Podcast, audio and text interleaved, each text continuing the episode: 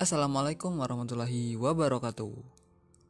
Hai, apa kabar semua? Makmur di sini saya berbagi cerita. Apa saja tentunya masih di podcast kesayangan kamu semua. Oke, sebelum kita mulai podcast hari ini, Makmur mau menyapa dulu nih. Apa kabar nih anak-anak rantau? Semoga ya selalu kuat dalam menjalani kehidupan di sana.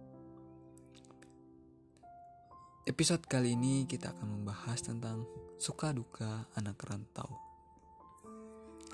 Ya, menjalani hidup dengan bebas dan tanpa pengawasan mungkin menjadi cita-cita beberapa orang yang merasa hidup ini monoton dan terkekang. Salah satu pelarian yang dapat dilakukannya itu dengan merantau.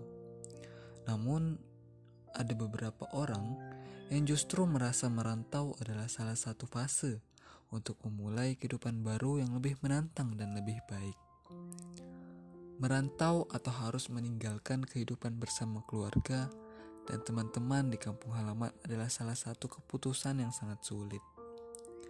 Ya, namun kehidupan merantau ternyata tidak selalu semenyeramkan itu. Kita dapat menikmati kehidupan yang baru dengan menyenangkan dan bahkan lebih baik. Ya walaupun mungkin lebih banyak dukanya ya dibanding sukanya.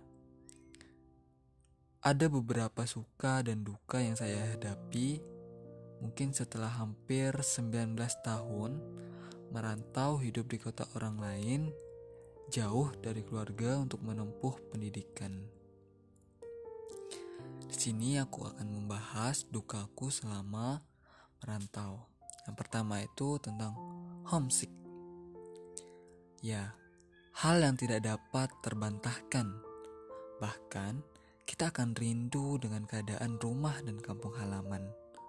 Rutinitas yang biasanya dilakukan setiap hari bersama keluarga atau teman tidak akan bisa didapatkan bila kita merantau.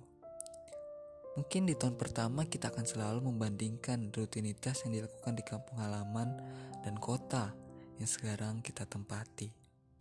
Namun, percayalah bahwa adaptasi dengan rutinitas baru adalah sebuah fase yang akan kita hadapi dan lewati. Enjoy dan kamu lambat laut akan larut dengan aktivitas yang kita jalani saat ini. Sehingga omsik intensitasnya akan lebih sedikit. Semangat. Yang kedua itu kehilangan momen berharga sih. Kerap kita tidak dapat berpulang kampung meskipun saat itu mungkin keluarga sedang merayakan sebuah momen berharga karena terbentur urusan kuliah atau pekerjaan. Atau mungkin tidak sempat pulang untuk menghadiri reuni sekolah karena uang menipis untuk biaya perjalanan pulang kampung. Ya, berpikir sih ya, mending buat makan aja. Rasanya mungkin memang tersiksa karena yang bisa kita lakukan hanya mendapati kabar via video call saja atau menonton momen melalui story teman. Ya, tapi harus sabar ya. Karena kita di sini juga sedang berjuang kok. Nikmati aja prosesnya. Yang ketiga, yaitu sakit adalah sebuah musibah. Sakit memang sebuah musibah namun jika sakit di tempat rantau dan jauh dari orang tua itu adalah double-double musibah. Mengapa ya? Yaitu karena sebenarnya kalau kita sakit di tempat rantau itu kita tidak bisa selalu bergantung pada teman kuliah ataupun teman kosan. Karena ya mereka juga punya kehidupan pribadi tuh. Mungkin mereka juga akan membantu namun ya tidak sebanyak bantuan dan perawatan apabila kita sakit oleh orang tua kita. Sakit itu mahal yo. Jadi selalu jaga kesehatan. Nah, ini yang paling terakhir ini menurut saya yang paling penting ya, paling yaitu kangen masakan ibu. Ini hal paling penting Seenak apa pun kita makan di tempat rantau, Namun ujung-ujungnya kita akan kangen masakan mama. Gak ada deh yang bisa ngalahin sayur bojo buatan ibu. Atau berobo campur seafood dan sayuran yang ibu kita buat. Jadi, maksimalkan momen pulang kampung ya. Untuk kita puas-puasin makan kesukaan buatan ibu kita. Karena ya kalau kita minta antar paket, lumayan repot juga dari biayanya. Dari pengirimannya.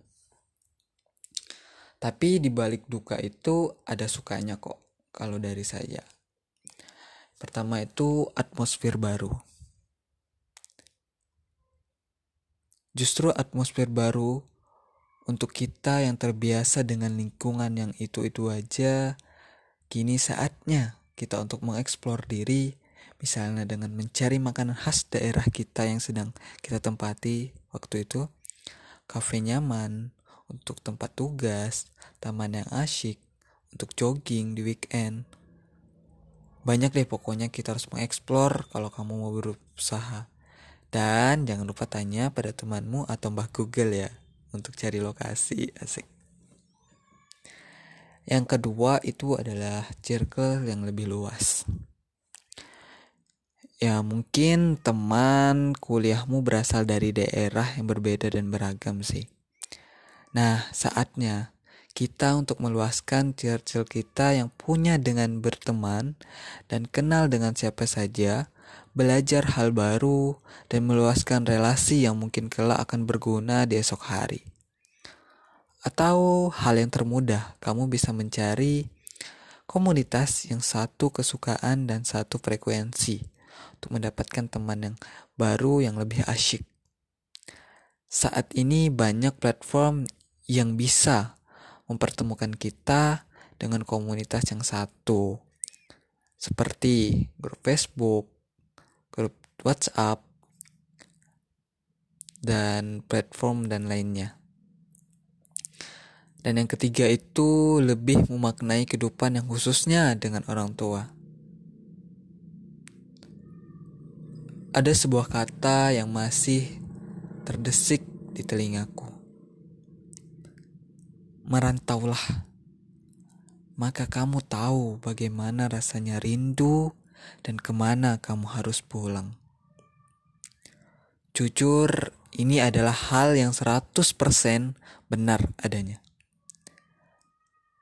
Kita merantau, maka kita akan lebih memaknai hidup dan memaknai apa artinya keluarga dan rumah untuk berlabuh merantau jauh dari sanak saudara dan kerabat akan menyadarkan kita bahwa ke mana kita harus pulang.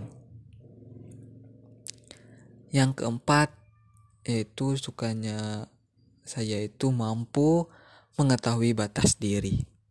Ya, hal ini super seru namun juga menantang. Karena dengan merantau kamu akan bebas menentukan kehidupan seperti apa yang akan kamu jalani. Khususnya untuk kamu yang kos sendiri. Kebebasan yang ada akan menyadarkan diri untuk mengetahui bagaimana batas diri dan bagaimana harus menjaga diri di kota orang lain. Terapkan aturan-aturan diri yang benar dan selalu diingat. Salah satu saran terbaiknya adalah dekat dengan rekan atau kerabat yang baik dan mampu menjaga satu sama lain, serta tidak takut untuk menyadarkan kita bila melakukan hal yang baru. Nah, untuk itu sharing kita, sharing saya suka duka saya selama rantauan seperti itu. Namun sebelumnya itu saya ingin menyampaikan quotes kepada kawan-kawan yang sedang merantau untuk meraih mimpi kalian. Sejauh apa pun kamu pergi, kamu akan selalu punya tempat untuk pulang, yaitu keluarga. Seorang perantau hanya pergi untuk kembali dan membuktikan kepada mereka bahwa kita bisa pulang dengan keadaan yang berbeda. tanamkan kata-kata seperti itu untuk kita jadikan sebagai motivasi kita untuk merubah kehidupan kita yang lebih layak dan bisa membanggakan lagi kepada kedua orang tua kita bahwa kita sudah berhasil di dunia perantauan. Oke, episode kita hari ini itu saja. Nanti kita lanjut dengan segmen-segmen yang lebih seru lagi. Oke, saya tutup. Assalamualaikum warahmatullahi wabarakatuh. Sampai jumpa, selamat mendengarkan ya.